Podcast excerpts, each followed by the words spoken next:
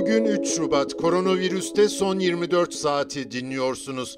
Ben Faruk Çalışkan. Türkiye'de son güncellemeye göre bir günde 140.120 COVID-19 testi yapıldı. 7.795 kişinin testi pozitif. 120 kişi yaşamını yitirdi.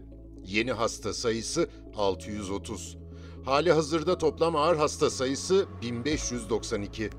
Bugün Covid-19'a yol açan yeni tip koronavirüsün mutasyonlarıyla ilgili Ankara'dan Yeşim Sert Karaaslan'ın haberine değineceğim.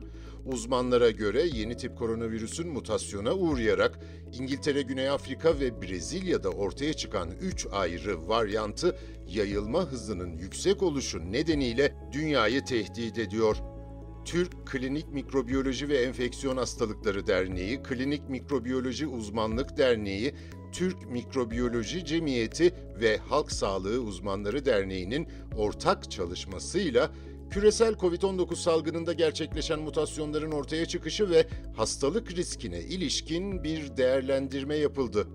Mutasyonlu virüslere yani varyant virüslere ilişkin başlıca riskin bulaşıcılığın artması olduğuna dikkat çekilen değerlendirmede ortaya ilk çıktıkları yerlerde hızla baskın hale gelen 3 varyantın da kısa süre içinde tüm dünyaya yayılabileceği uyarısı yapıldı. Değerlendirmeye göre İngiltere'de ortaya çıkan B117 varyantı Şubat ayı ortalarında baskın olabilir. Bu varyant 2020 yılının Eylül ayının ikinci yarısında ortaya çıkmıştı. Özellikle Aralık ayında İngiltere'nin güneyinde sıkı kapanma önlemlerine rağmen hızla yayılarak baskın hale geldi. Şu ana kadar yapılan incelemelerden elde edilen veriler mutasyonlu virüsün bulaşma hızının ve ölüm oranının daha yüksek olduğunu ortaya koydu. Araştırmalar tüm yaş gruplarını etkilediği aşı ve doğal enfeksiyonlardan sonra edinilen bağışıklık yanıtlarında etkinlik kaybı olasılığının da düşük olduğunu gösterdi. Türkiye'de şu anda çoğu yurt dışı seyahatle ilişkili 17 ilde 114'ü İngiltere varyantı olmak üzere 128 kişi de yeni varyantlara rastlandı. Güney Afrika'da görülen varyant B1351 diye isimlendiriliyor ve 31 ülkede saptanmış durumda. İlk çalışmalar bu varyantın doğal enfeksiyon ve aşılama sonrası gelişen antikorlar tarafından etkisizleştirilmeye karşı dirençli olabileceğini gösterdi.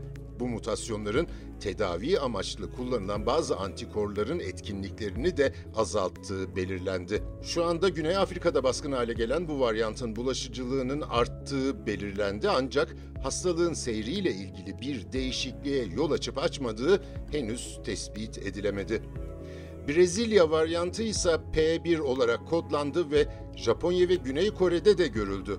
Bu varyantın enfeksiyonu daha önce geçirmiş kişiler arasında yayılabilme olasılığından dolayı yüksek riskli göründüğü ve diğer iki varyant gibi dikkatle izlendiği ifade edildi.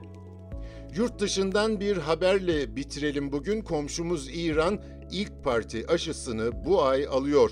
İran Sağlık Bakanı Said Nemeki, Dünya Sağlık Örgütü eşgüdümünde yürütülen COVID-19 aşıları küresel erişim programı yani COVAX anlaşması üzerinden İngiliz İsveç şirketi AstraZeneca'dan aldıkları 4,2 milyon doz aşının teslimatının bu ay başlayacağını söyledi.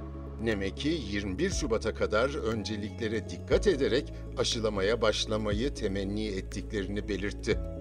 Dünyada bugüne dek Covid-19 teşhisi koyulanların sayısı 104 milyon 489 bin. Toplam ölüm 2 milyon 265 bin. Bugünlük bu kadar. Hoşçakalın.